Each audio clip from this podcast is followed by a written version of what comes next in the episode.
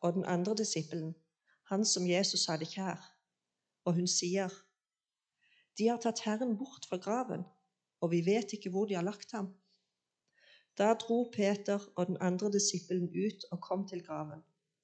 De løp sammen, men den andre disippelen løp fortere enn Peter og kom først. Han bøyde seg fram og så linklærne ligge der, men gikk ikke inn i graven. Simon Peter kom nå etter, og han gikk inn. Han så linklærne som lå der, og tørkleet som Jesus hadde hatt over hodet. Det lå ikke sammen med linklærne, men sammenrullet på et sted for seg selv. Da gikk den andre disippelen også inn, han som var kommet først til graven. Han så og trodde. Fram til da hadde de ikke forstått det Skriften sier, han stå, at han måtte stå opp fra de døde. Disiplene gikk så hjem. Men Maria sto like utenfor graven og gråt. Gråtende bøyde hun seg fram og så inn i graven. Da fikk hun se to hvitkledde engler sitte der Jesu kropp hadde ligget, en ved hodet og en ved føttene. Hvorfor gråter du, kvinne? spurte de. Hun svarte, De har tatt Herren min bort, og jeg vet ikke hvor de har lagt ham. I det samme snudde hun seg og så Jesus stå der, men hun skjønte ikke at det var han.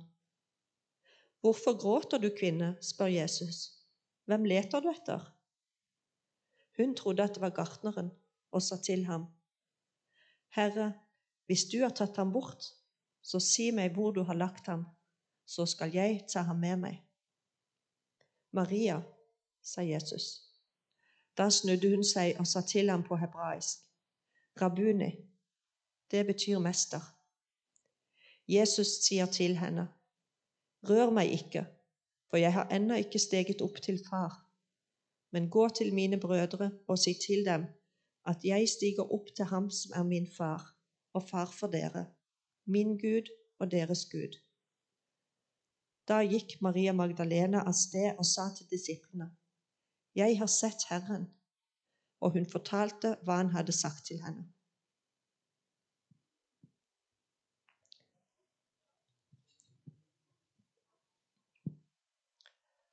Da ber vi bare kort for det først. Kjære Jesus, jeg ber om at du nå må være med Johannes. Og du fyller han med din ånd, så han taler ditt ord. Amen. Takk skal du ha.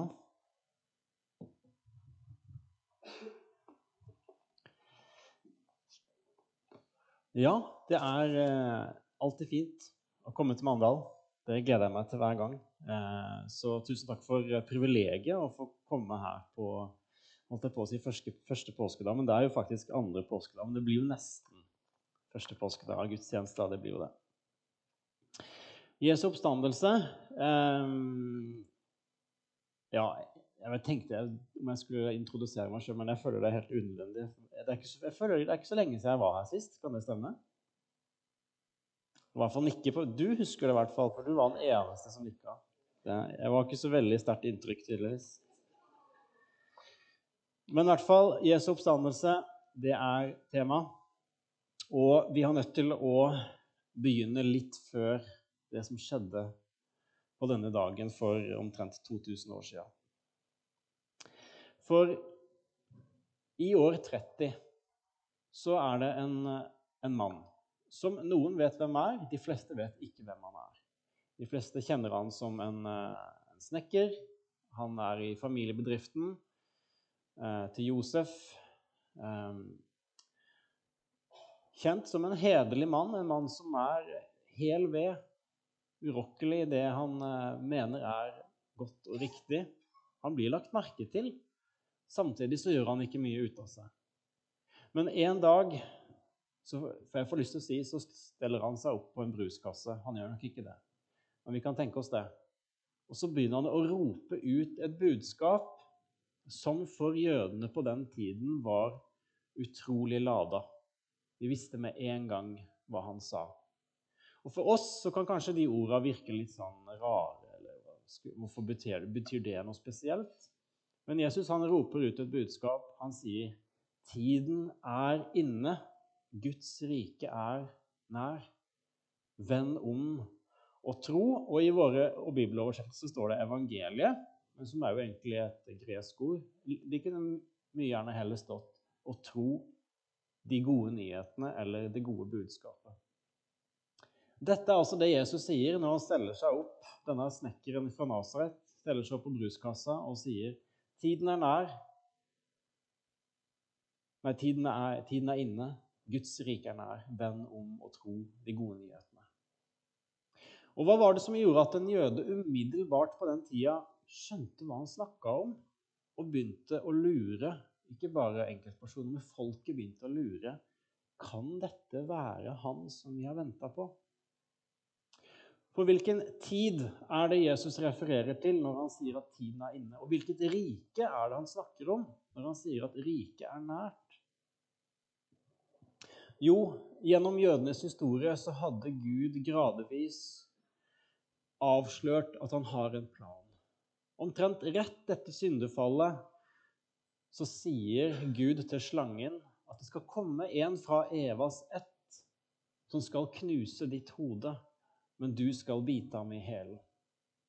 Altså, omtrent fra side 1 i Bibelen så gis det et løfte om at det skal komme en fra Evas ett som skal knuse Satans hode og alle hans gjerninger. Men han skal bite ham i hælen, altså han skal dø når han gjør det. Ringer det noen bjeller? Og Gjennom Gammeltestamentet så gis det løfter om at en dag så skal Gud opprette et evig rike som aldri skal forgå. Et evig fullkomment rike. Og David blir på en måte dette bildet på den kongen som skal en gang komme. Messias, som vi kan oversette med, oversette med frelserkongen. Så jødene venta på en konge, og med en konge så kommer det et rike. De venta på et rike og en konge som skulle ta vekk alt det onde og all synd, all død og all smerte, og opprette et rike som aldri skulle få gå. Dette gikk de og venta på, denne tiden da det skulle komme, dette riket og denne kongen. Og så stiller Jesus seg opp på denne bruskassa og sier at nå er tiden her. Nå kommer dette riket. Og det han sier mellom linjene da, at nå kommer også kongen. Noen tenkte at hvis denne kongen skulle komme, eller når han kom, så ville han komme med pomp og prakt, og ikke som en snekker fra Nasaret. Men det er noen som skjønner at når kongen skulle komme, så skulle det være en helt annerledes konge en konge, en opp-ned-konge, for å si det på den måten, som kom med et opp-ned-rike. Og på skjærtorsdag så blir den tydeligste demonstrasjonen av hva Jesus mener med dette opp-ned-riket, når han vasker disiplenes føtter. Og når han sier at hvis dere ikke lar meg gjøre det her, hvis ikke dere lar meg være den som setter standarden for hvordan mitt rike fungerer, så dere, kan dere ikke ha noe med meg å gjøre. Som han sier til Peter. Så dette riket var venta, men de venta på et annerledes rike. Han kommer ridende på et esel, ikke på en hest. Og han kommer ikke for å ta liv av romerne, som kanskje jødene hadde holdt på, men han kommer for å gi liv. For, han kommer for å gi sitt eget liv. Og sånn som Jesus sier, at hvis ikke hvetekornet faller i jorden, så blir det bare med dette ene liv av død. Det er et annerledesrike, og det er en annerledeskonge som jødene stort sett ikke forutså, ikke venta. Han sier tiden er inne, riket er nært. Vend om og tro de gode nyhetene om at nå er tiden inne. Og så går Jesus rundt og gjør hovedsakelig tre ting. Han helbreder syke og sette folk fri fra demonske krefter eller onde makter. Det er det ene. Og når han gjør det, så er det en enormt symbolsk og sterk handling som talte mye mer enn det nok vi fatter i dag. For det Jesus sier når han helbreder og setter fri fra de onde maktene, det er at han er herre over dødskreftene i verden. Allerede da så virker oppstandelseskreftene i Jesu gjerning når han helbreder, og når han driver ut de onde maktene fra menneskers liv enormt symbolske og kraftfulle handlinger for de som levde i, i dette virkelighetsbildet og, og, skjønte hva Jesus gjorde. Det andre jeg gjør, er at han underviser om riket. Han bruker mye tid på å undervise om riket, for han vet at de venta et rike som var veldig annerledes enn det han kom med. Han sier at du skal ikke drepe dine fiender, men du skal elske dine fiender. Du skal be for de som forfølger deg. Hvis noen tvinger deg til å gå med deg én mil, skal du gå to. Og noen skjønner at det han kommer med, det er så totalt annerledes enn det vi har erfart. Det var nettopp bergprekenen som jeg siterte fra nå, som var noe av det som vekka min eh, gudstro som barn, faktisk. Eh, jeg, som barn jeg syntes verden var brutal. Det var mobbing på skolen, folk blei fryst ut, og alle som er lærere eller som har hatt barn eller har vært barn, og det vil jo si de fleste av dere, vet at barneskole eller barneskolemiljø og også ungdomsskole kan være ekstremt brutalt. Og jeg hadde erfart det og hadde en følelse av at, at det, det, livet er ikke for pyse, for å si det på den måten. Men når jeg leste Bergprekenen da, som sånn åtte-niåring, så møtte jeg, et, møtte jeg et rike som var helt annerledes enn det jeg hadde erfart. Og det vekka gudslengselen i mitt liv. Og Jesus han bruker mye tid på å undervise om dette riket. Det siste han gjør, det er at han sier at han, han skal seire, sånn som det var litt løfte om at Messias skulle gjøre. Han skal seire over dødskreften i verden. Han skal seire over synden i verden. Og han skal gjøre et eller annet med dette dypeste problemet, nemlig at synden ikke er bare der ute, men den har røtter helt inn i våre egne hjerter. Og Gjennom profeten i Gammeltestamentet så er det sånn en økende erkjennelse. Det kommer mer og mer til overflaten at jødenes problem det er ikke Babylon, eller det er ikke asyrerne, eller det er ikke hetittene, eller det er ikke osv. osv. Det er ikke romerne. Men hovedproblemet er den makten som okkuperer deres egne hjerter. Og Den gir Jesus også løfte om at han skal gjøre noe med. Han sier at han skal seire over det. Og måten de tar del i hans seier, og måten de finner dette riket og kan ta del i dette riket han kommer med, det er i han. Gjennom han og ved troen på Han. Han sier, 'Kom til meg, bli i meg, følg meg, bekjenn meg', og kanskje den vi kjenner best, 'tro på meg'. Som vi kan oversette med 'å være trofaste mot meg'. Og store skarer hører dette budskapet, og de tror det er sant. Kanskje han er faktisk den vi har ventet på. Kanskje han faktisk er Messias. Mange tror det i perioder, og så sier Jesus ting som de ikke får til å gå opp i det hele tatt, og mange forlater ham. Men det er likevel en gjeng som tror, og som holder fast. Men så skjer det tragiske. Jesus har gått høyt ut. Han har sagt at han skal seire over dødskreften og synden i verden. Og folk har forventninger. Og så skjer det skandaløse, som er det ordet som også Paulus bruker om korset. Skandalen. Han blir arrestert og korsfesta og dør. Og vi vokst opp i en kristen setting, vi stusser kanskje ikke noe over det her. Ja, men det er jo sånn man tar oppgjør med dødskreftene, er det ikke det, da? Det... Tenk over hvor rart det egentlig er. Jeg ser for meg at uh, du bor i et boligfelt, og det er en råkjører som kjører rundt i dette boligfeltet. Og han råkjører til og med sånn en Chevrolet Tahoe, hvis noen ser for seg hvordan de er. Ja, du gjorde det. Veldig bra. Én tok den. Det er svære biler. Du har kanskje en sånn? Du har en sånn i nabolaget, ja. Se for deg at han råkjører rundt, og så sier du ikke sant? 'Jeg skal ta et oppgjør med denne råkjøreren.' Alle bare 'Jø, endelig en som tar oppgjør med problemet her i, i nabolaget'. Og så går du ut, og så bare stiller du deg opp, og så lar du deg overkjøre. Du lar deg rett og slett mose av denne bilen. Og folk tenker 'Ja, det var jo en merkelig måte å ta oppgjør med en råkjører på.' Å la seg overkjøre.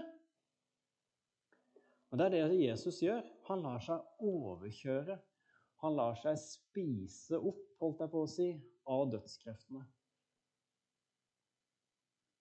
Det er et fantastisk engelsk uttrykk som jeg tenker på når, når vi snakker om det her, og det er um, Don't bite more than you can chew.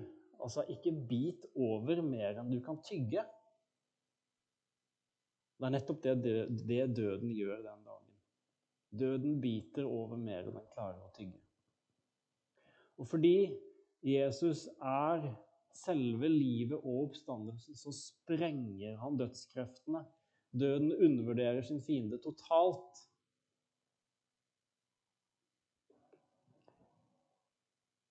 Vi vil aldri, Du sa det, det er et mysterium, korset. Ja, det er det. Vi vil aldri forstå det fullt ut. Sånne bilder som jeg kommer med nå, det gjør at vi kanskje får litt mer sånn grep om det, men likevel så er det noe rart. Han lar seg sluke av fienden.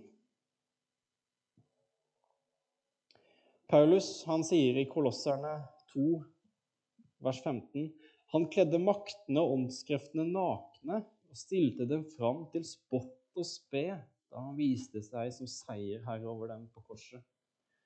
Vi hører liksom hvordan liksom Paulus tar sats for å si det her, for han vet at sånn, som menneskelig sett så er det jo ikke det som skjer.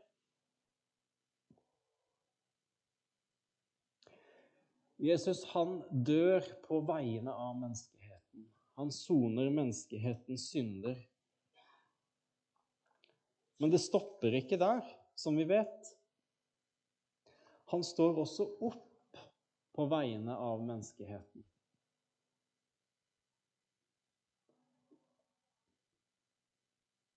Døden kan ikke binde ham. Døden har undervurdert sin fiende. Og på den tredje dagen så sprenger Jesus døden på vegne av og syndens makt på vegne av hele menneskeheten. Sånn at hver den som setter sitt håp til dette soningsverket på korset, skal ikke gå fortapt, men ha evig liv.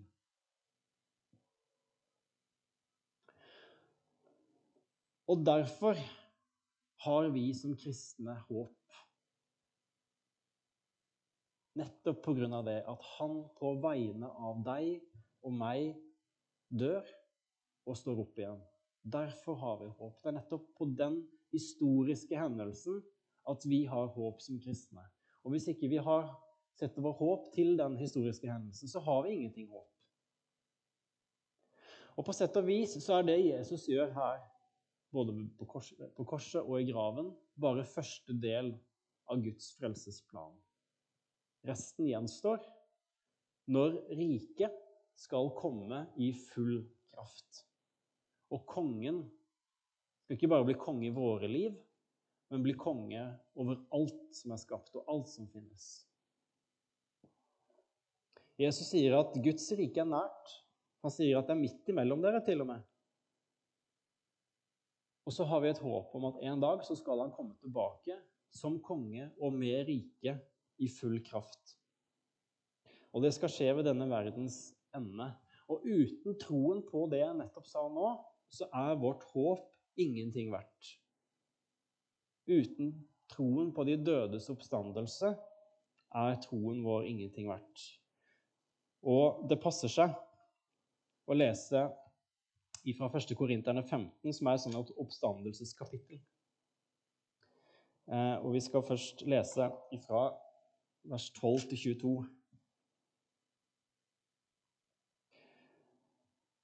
Men når det blir forkynt at Kristus er stått opp fra de døde, hvordan kan noen blant dere da si at det ikke finnes noen oppstandelse fra de døde? For hvis de døde ikke står opp, er heller ikke Kristus stått opp. Men er ikke Kristus stått opp, da er vårt budskap tomt, og deres tro er også tom. Da står vi som falske vitner om Gud. For da har vi vitnet imot Gud når vi sier at han har oppreist Kristus, noe han ikke har gjort, hvis de døde ikke står opp. Og hvis døde ikke står opp, er jo heller ikke Kristus stått opp. Men hvis ikke Kristus er stått opp, da er deres tro uten mening, og dere er fremdeles i deres synder. Det er også de fortapte som har sovnet inn i Kristus. Hvis vårt håp til Kristus gjelder bare for dette livet, er vi de ynkeligste av alle mennesker. Men nå er jo Kristus stått opp fra de døde, som førstegrøden av den som er sovnet inn. Fordi døden kom ved ett menneske, Adam altså, er også de dødes oppstandelse kommet ved ett menneske. For slik alle dør på grunn av Adam, skal alle få liv ved Kristus. Uten dette håpet om at oppstandelsen er sann, og det betyr at vi som har satt vår tro og vår tillit til Han og det Han har gjort, så vil Han en dag reise oss opp fra de døde til et fullkomment rike som aldri skal få gå. Uten dette håpet er vår tro ingenting verdt, sier Paulus. Og i dag, som for så vidt til alle tider, så har vi en utfordring i å holde fast på dette budskapet. Og da vil jeg si to ting. Og Det ene er korset som en nødvendighet. Akkurat den sannheten, den er under press. Man kan høre folk si korset var strengt alt ikke helt nødvendig, men det var liksom en fin demonstrasjon av Guds kjærlighet. Men helt nødvendig, det var det vel ikke? Jo, det er ekstremt viktig at vi holder fast på korsets nødvendighet. Og vi trenger ikke å, å være lydskape teologer for å skjønne det. Når Jesus er i Getsemane, så spør han jo Gud finnes det en annen mulighet. Finnes det en annen mulighet? Nei, det gjorde ikke det. Det gjorde ikke det.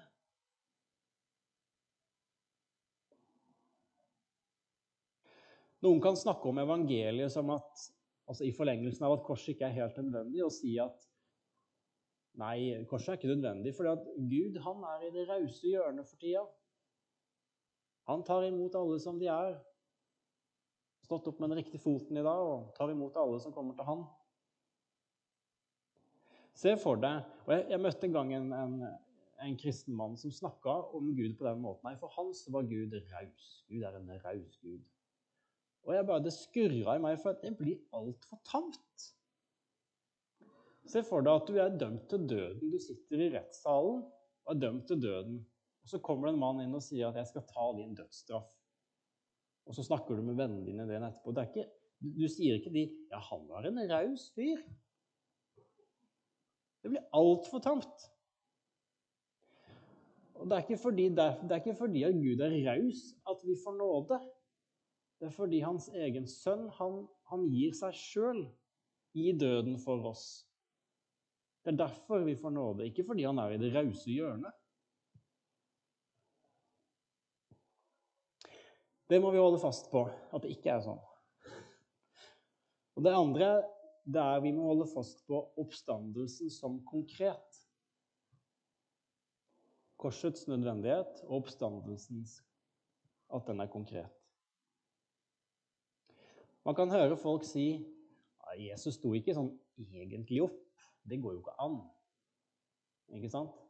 Han sto ikke egentlig opp. Det er billedlig talt. Han sto opp i disiplenes hjerter. Hva nå enn det betyr. Jo, kan kanskje tenke Det betyr at da skjønte de hva han hadde sagt. Eller endelig begynte de å tro på det han hadde sagt om at størst av alt er kjærligheten osv. Da skjønte de det, og Jesus sto opp i deres hjerte. Nei. Paulus vi har jo nettopp sett, han er jo steinklar på at det var en legemlig oppstandelse. Og uten troen på den legelige oppstandelsen så er vår, vår tro helt meningsløs.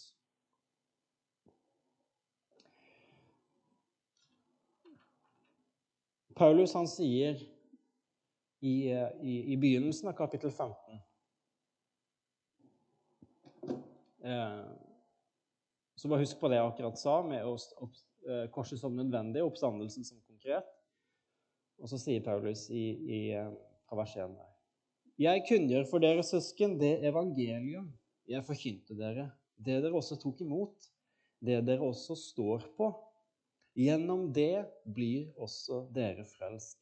Når dere holder fast på ordet slik jeg forkynte det, ellers blir det forgjeves at dere kom til tro.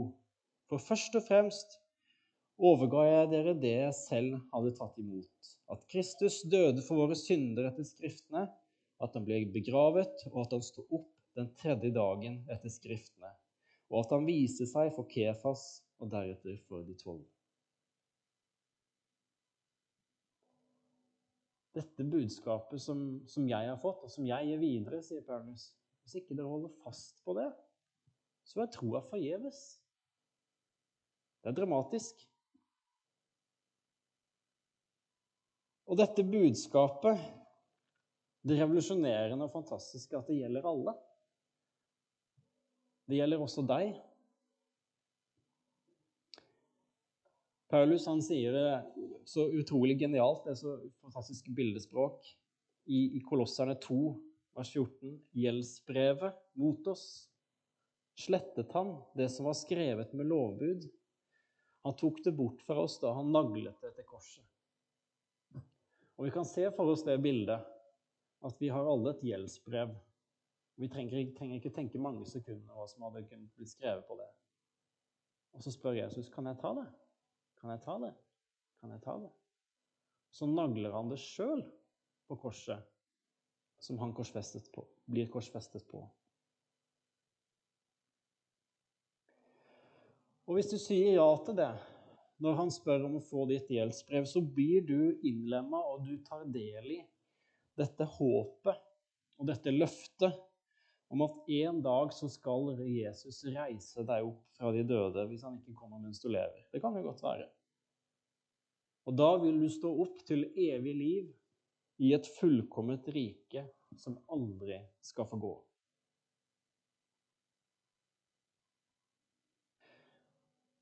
Og helt til slutt, hvis vi har tid til det Det ble en lang gudstjeneste.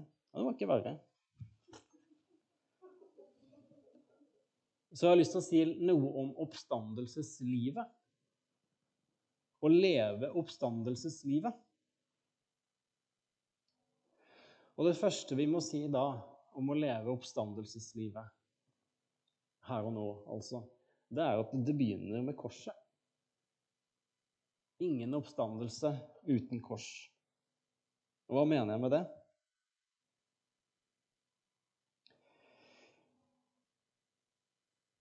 Bibelen bruker ganske sånn voldsom, voldsomt ord på det. Det sier at, at, vi har blitt korsfestet med Kristus. Og at når du ble døpt, så ble du begravet med Kristus. Paulus sier at vi ble døpt til en død som hans. Vi kan kanskje av og til falle for fristelsen og tenke liksom at ja, jeg gir syndene mine til Jesus. De liksom tar han på korset, men resten, resten, resten er opp til meg. Eller resten blir mitt. Eller resten av livet, det, det der kan jeg bestemme. Men akkurat syndene gir jeg til Jesus. Også. Og faktisk så, så, er det hele oss som blir med opp på korset. Og hele oss som blir med Jesus i grava. Og så kan jeg tenke ja, er dette her frivillig, eller må alle være med på det? Ikke sant? Det er faktisk sånn at det er ingen oppstandelse uten kors. Det gjelder også for oss. Og forlengelsen av det her, altså konkretiseringa av det her med at vi er begravet med Kristus, det er jo Nytestamentet full av, og det handler om å leve det nye livet som kristen. Der vi sier nei til det gamle, vi sier nei til de destruktive kreftene som vil rive oss vekk fra alt som er godt. Og vi vet at det å dø med Kristus det har to sider. Det er noe som har skjedd.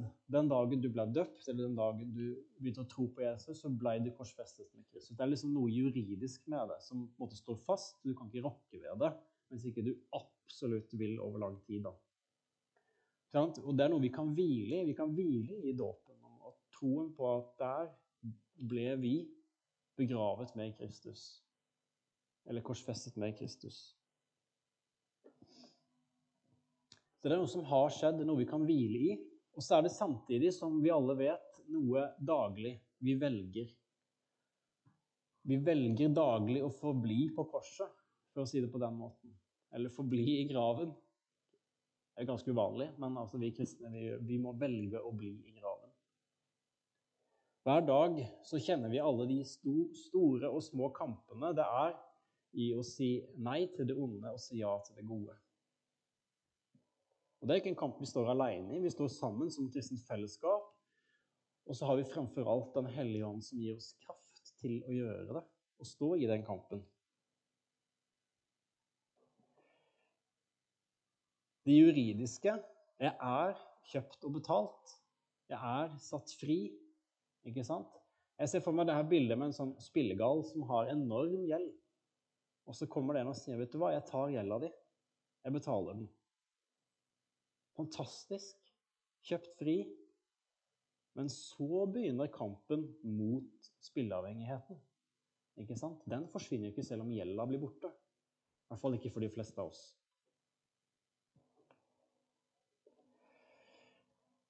Og her,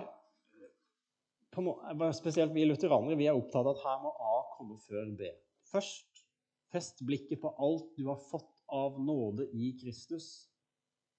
Og der finner du kraften til å ta kampen etterpå. Minn deg sjøl på at gjelda er betalt, og så der finner du kraften til å fighte spilleavhengigheten. Og i det daglige så handler det om å si nei til de destruktive kreftene som bl.a. gjør at vi lyver, misunner, begjærer, blir bitre, hater, ser ned på, undertrykker osv. Det er ikke noe lett kamp, men det er en kamp vi fordi vi er Hvis vi vil ta del i oppstandelseslivet, eller i oppstandelsen, så må vi ta del i Kristi kors. Og Paulus sier det eh, veldig treffsikkert i Romerne 6, vers 4 og 5. Vi ble begravet med ham da vi ble døpt med denne dåpen til døden. Og som Kristus blir reist opp fra de døde ved sin fars herlighet, skal også vi vandre i et nytt liv. Har vi vokst sammen med Kristus i en død som er lik hans, skal vi være ett med ham i en oppstandelse som er lik hans. Så jeg hører da det jeg sa i stad. Det er ikke noe jeg har funnet på. Altså ingen oppstandelse uten kors. Og det vi legger merke til her, hvis vi ser nøye på det Paulus skriver, at han ser på det som en prosess. Han vet det. Han har erfart sjøl at det er en prosess i å vokse sammen med Kristus. Det er en livslang prosess. Samtidig det er noe som skjer punkt på et punkt, så skjer det. Og samtidig så blir den sannheten som har skjedd, utfolda i livet mens vi går. Og ofte så klarer vi ikke å sjøl se fremgangen, for å si det på den måten. Vi ser kanskje oftest tilbakegangen.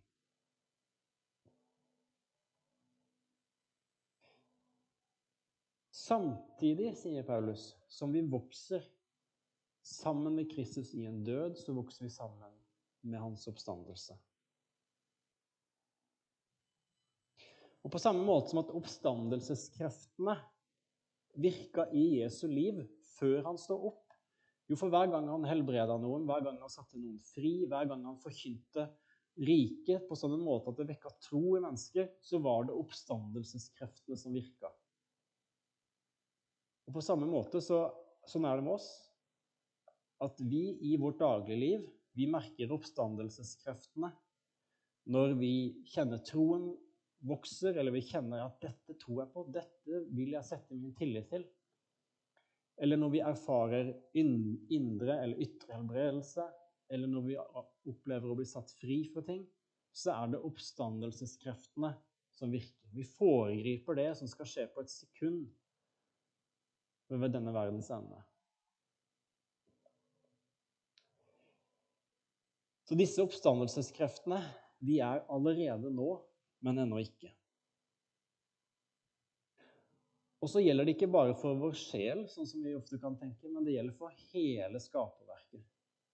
Hele skaperverket, sier Paulus, lengter etter den, et, et, etter den endelige oppstandelsen, den nye verden.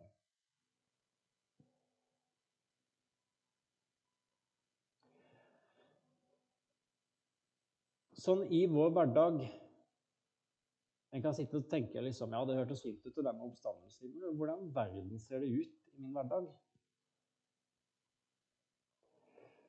Jo, jeg tror vi kan koke det ned til tre ord. Og Det handler egentlig om å bare se på Jesu liv. Hva var det når Jesus møtte mennesker? Hva førte det til? Jo, det førte til omvendelse, frigjøring og legedom. Omvendelse, da mener jeg det at mennesker snudde totalt om fra å leve et liv i mørket, og, og, Bibelen sier det handler om å gå fra død til liv, og ikke lenger leve for seg selv, men for Han som ga oss livet. Det førte det til når Jesus møtte mennesker, og så møtte det til frigjøring.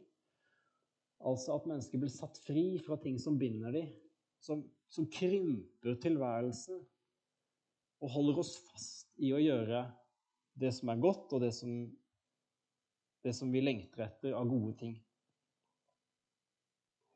Også legedom. Jesus han helbreda mange fysisk, men han helbreda også mange på, på, på indre ting ved å oppreise de sosialt osv. osv. Og dette er det som burde kjennetegne Kirken i dag. At vi kommer ved omvendelse, frigjøring og legedom. Og det er det som også da på sett og vis bør kjennetegne oss enkelt. Og da kan vi kjenne liksom oh, det ble veldig tungt på skuldrene. Men det er det ikke ment å være. Dette er noe som er, sånn som Paulus sier, at ferdiglagte gjerninger vi skal vandre i. Men det handler om når vi får muligheten til å forkynne det gode budskapet om Jesus Kristus og hans død og oppstandelse Det handler om, og det opplever jeg fryktelig aktuelt i dag, det er å hjelpe folk å skjelne hva som er virkelig frihet. Ikke sant? Jesus kom, han kom med en sann frihet. I dag så er verden forferdelig forvirra på hva, egentlig, hvordan frihet ser ut.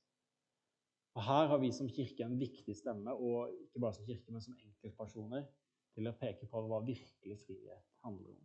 Og Den finner vi bare ved å være bundet til Kristus, for å si det på den måten. Og legedom her, det er kanskje den som vi kanskje finner lettest. Altså det handler jo om f.eks. om sjelesorg, veiledning, forbønn osv. Det handler om å komme med legedom. Og ikke minst, det, det varme fellesskapet kan jo være utrolig fylt av legedom. Å oppleve det varme fellesskapet. Hjelpe mennesker til tilgivelse, forsoning osv. osv. Det er hvordan det ser ut å leve oppstandelseslivet, tenker jeg, som er noe allerede nå og ennå ikke.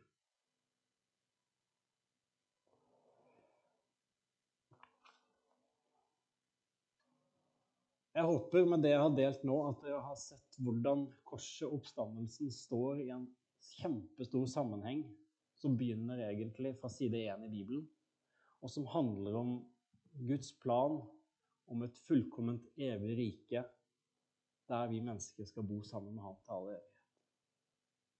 Og til det riket så er vi alle invitert. Og det er ikke for de eh, passe gjennomsnittlige fromme i Mandal, men det er for alle som ønsker å ta sin tilflukt til Han og det Han har gjort for oss. Herre Jesus, vi takker deg for eh, at du kom.